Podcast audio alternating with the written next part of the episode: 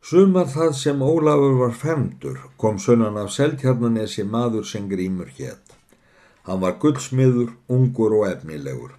Hann falaði sér kaupafinu þar að sveitin og varð vel til. Hann var setni hluta sláttarins á hofi hjá sér að bjarna og geðjaðist þar hverju manni vel en sérilagi lögðu þeir lagsitt saman Ólafur og grímur því að þeir voru mjög skaplíkjur og varð brátt góð vináta með þeim. Um haustið litlu áður en grímur allaði söður gjörði snjó svo mikinn að vegir voru líkt færir og hann átti langa leið fyrir höndum. Ólafur kemur þá á máli við hann og segir að hann skuli byggja fóstara sinn veturvistar. Hvað hann hafa húsækinni góð svo hann gæti liðunum herbergi sér að meina lausu. Þetta þekktist grímur og talar Ólafur máli hans við fóstara sinn og er það auði sótt. Verður það nú úr að grímur hyggur af söðurferð og sestað á hofi og tekur þar til smíða sinna. Ólafur varð honum mjög fylgisamur um veturinn og nafn ímislegt sem til smíðana heyrði og þótti grími hann hinn efnilegast í öllum handtökum. Sér að Bjarni var vel hagur maður, enkanlega og járn og hafði Ólafur vanist nokkuð við það og þótti farast vel úr hendi. Einu sinni segir hann grími að sig langi til að smíða sér vasagnýf svo vel gjörðan sem best hann geti og líkar grími það vel. Smíðar Ólafur knífin og þegar hann er búin að því þykir það öllum er sjá hinn mesta gersemi. Ólafur hafði sett nafn sitt af silfurvíravirkin í skaftið og víðar var knífurinn silfur og látúnsbúinn og beit hann sem í vatnværi brúðið. Ólafur síndi fóstara sínum knífin og gæðjast honum velað og saða hann skildi sjálfur eiga og ekki farga alla æfi sína og því lofar Ólafur. Næsta sömur á miðjum slætti fór grímur söður og hvaðst hann ekki skilja þar jafn auðugur við neittmann eins og Ólafsinn. Tveim árum síðar um haustið fekk Ólafur bref frá grími og ollið þá nokkur í áhyggju, það var svórhljóðandi. Kæri vinur, ég skrifa þér stutt og fáort en þykir því meira undir því komið að þú svarir vel. Ég er nú heimamaður hér á nesinu og stunda smíðar mínar en er skipráðin hjá húsráðanda en svo er mál með vexti að hann vantar hásetta og hef ég kjörið þig í þá eiðu og þess vegna beðið hann að býða með að ráða í skiprúmið til þess að ég fengi svar frá þér og þó eiginlega þanga til þú kæmir sem ég vona að verði tæka tíð. Verksmiðja mín og vinátt að standa þér báðaropnar grímur. Ólafur sínir fóstara sínum brefið og spyr sér að bjarni hvað hann hafi afráðið. Ég ræð ekkert af fóstri minn, þú ræður því öllu. Og langar þið ekki til að fara, eður ekki, þarum get ég einhver áðið. Mér finnst mig langa til þess og ég sé að ég læri þar betur sjó en hér. Svo er best þú farir, Óli minn. Þó hugsa ég að við myndum ekki skilja svona fljótt. Ef þér er síður um það ég fari fóstri minn og það heyrist mér á þér að svo sé, þá fer ég ekki eitt fett. Nú skaltu þó fara.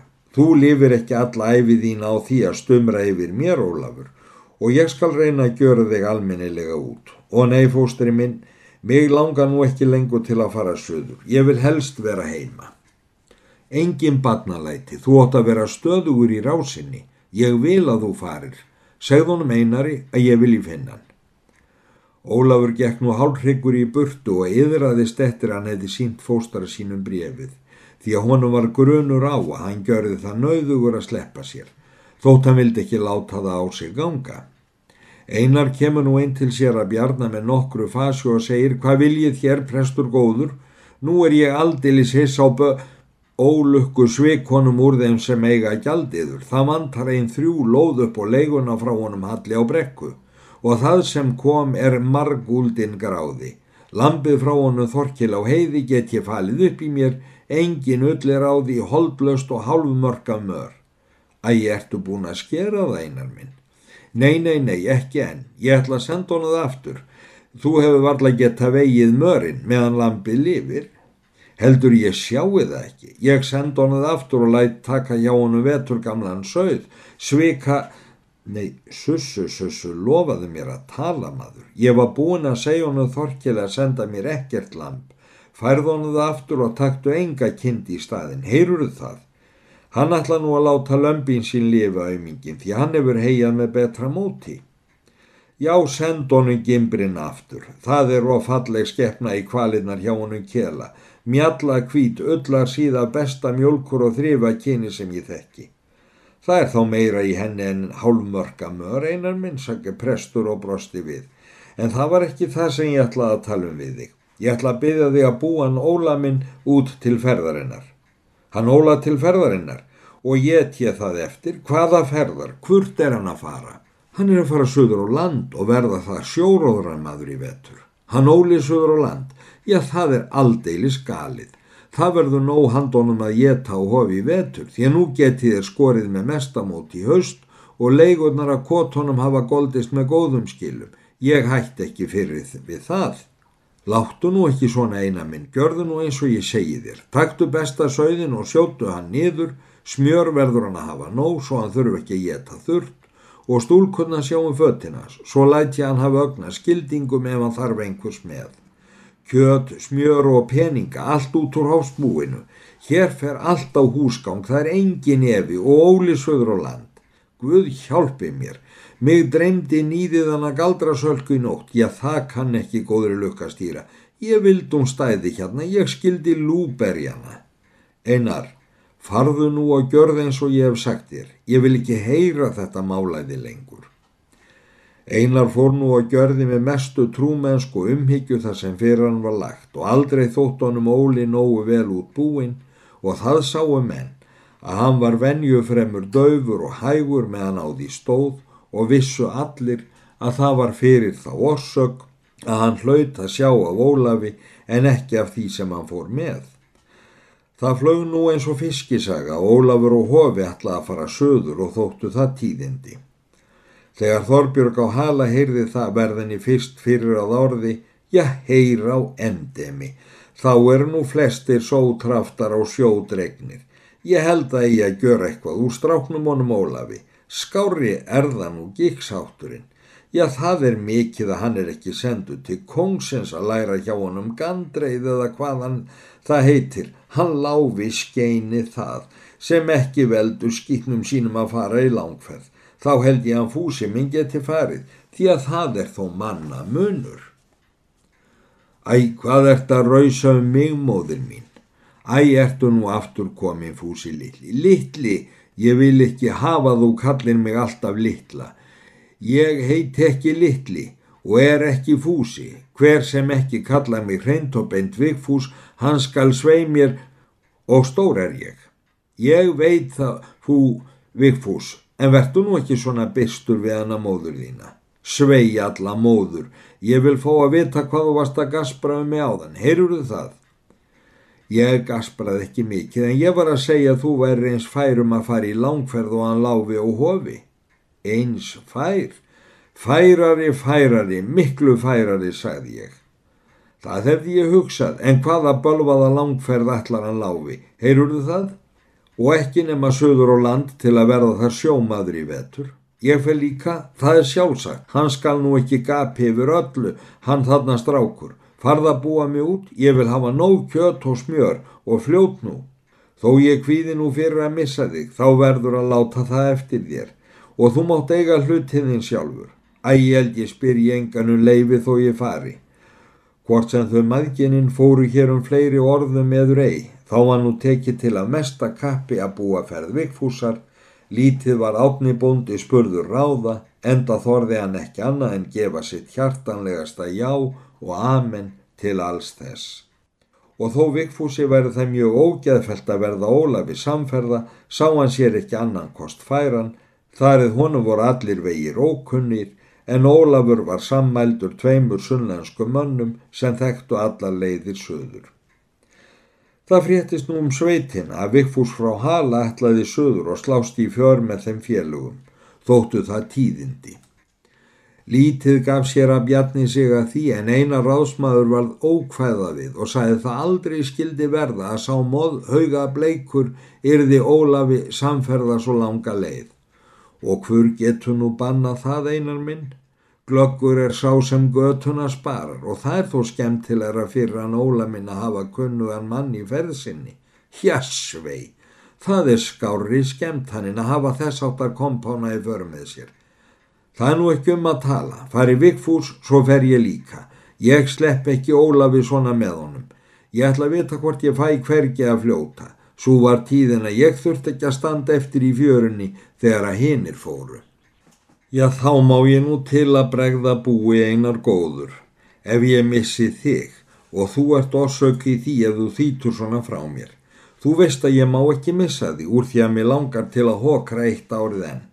Við skulum byggja Guð að vera með honum, svo líður honum vel. Um það nú svo. Ég er ekki viss um það úr því að hrakiðan fúsi fer með. Af honum stendur aldrei nema ílt eitt, það er ég vissum og það má nú til að vera svona. Nú leiða því að Ólafur og þeir félagar voru ferðbúnir. Hinn í sunnlensku menn voru komnir að hofi og næsti dagur var ákveðin til að leggja upp. Sama degi og sunnanmenn kom á hofi varði Ólafur til að hveðja kunningjana þar í nágrenninu og óskuðu allir honum góðs og mörg guðrætt kona brá svund og horðin upp að auga sér þegar hann hafði kistana. Seinast um kvöldið gekk hann yfir að hala og kvatti þau árna og Þorbjörgu og saði svon þeirra velkomin í fjellægið og var vikfúst á venjufremur þýður í viðmóti og glatti það Ólaf. Síðan fór hann á hóli og tóku þau hjónunum blíðilega. Ægi ég sakna þín mikið, Óli minn, segi Jón, því að þú ert sannemd mann príði hvað sem þú kemur fram og eigðu nú þetta og réttað honum glitsaumaða peningabötu með 20 ríkistölum í. Hún Stína litla hefur saumað bötun og sett nafnið þetta á. Hún var nú svo barnaleg þegar bötan var búin að hún óskaði að þú vildir eiga hana alla æfið þína. Það skal líka verða ef ég get mögulega. Ólafur þakkaði Jóni og kvatti þau hjón mjög ástúðlega. En hvar er hún Stína? Hún gekk út nýskeið, þú finnur hana víst. Hann fer nú út og litast um og sér hvar Stína stendur sunnanundi bæ og sínist honum hún heldur döpur í bragði. Sælvertu nú Stína mín. Það nú raunar heldur dónalegt af mér að kalla því Stínu svona stóra og fallega stúlku sem þú ert nú orðin. Æjú Ólafur kallaði mig alla jafna Stínu, mér fellur það svo vel, ekki síst af þér. Nú kallaði mig þá líka Óla, það fellur mér langbest eins og þú gjörðir þegar við vorum börn, en nú er ég komin til að kveðja þig. Ég ætla nú að fara að ferðast söður og land. Ég veit þá og því að nú verð, segi Kristín í hálfum hljóðum. Ég vild að þú færir ekkert. Það kemur æfinlega í mér hryllingur þegar ég hugsa til þess að þú fer. Ég kem aftur í vorstína mín góð og þá skal ég segja þér alla ferðarsöguna. Guður æður hvenar þú kemur aftur, ég vonað að verði í vor, þá kemur þú heilsar okkur hérna. Það þykir mér nú líklegt góða mín, en eftir á higgja ég hef glemt að þakka þér fyrir peningabölduna. Hún er nú ekki þakkarverð, ég gjörði það að gamni mín á því ég vissi að fadir minn ætlaði að gefa þér fáina skildingu í hana. Já, fá eina, það er nú skári ósköpin, ég marg skammast mér fyrir það. Þú þart ekki að skammast þín, þar að auki heldur of lítið fyrir það sem þú kendir mér að skrifa. Þér á ég það að þakka ég get skrifað bref. Æjæja, skrifaði mér nú einhver tími vetur, ég skal skrifa þér og það er satt, ég hef beinari glemt því. Hérna er signetsgrei sem ég ætlaði að byggja þið að þykja af mér. Ég hef nú sjálfur smíðað það. Ég hef setni árin ögn eftir mig í að grafa, það er nú samt ljótt, ég verða að byggja þig að taka viljan fyrir verkið. Þú átt að eiga þið til minnis um mig. Mér er mikið kært að eiga hlut frá þér, en ekki þarf ég þess til að muna eftir þér. Þar gjör ég til döðans, Ólafur. Þér gleymi ég heldur aldrei með ég lifi, Kristín mín, og mér finnst nú að mér falli nærið því eins tungt að skilja við þig eins og hann fóstra minn. Kristín rétti að Ólafi ofurlítinn böggul og sá hann þá að tárin streymdu ofan eftir kinnunum á henni. Taktu við þessu, segir hún, og farðu svo vel. Mér heyrist einhver vera að koma. Hann greip yfir um hana og kista hann að þrjá innilega kossa en þó svo fljótt eins og hann væri að stela einhverju og í sama bíli kom maður hlaupandi fyrir bæjarhornið og þekktu þau þegar að það var vikfús. Kristín skaust hjá honum og inn í bæ.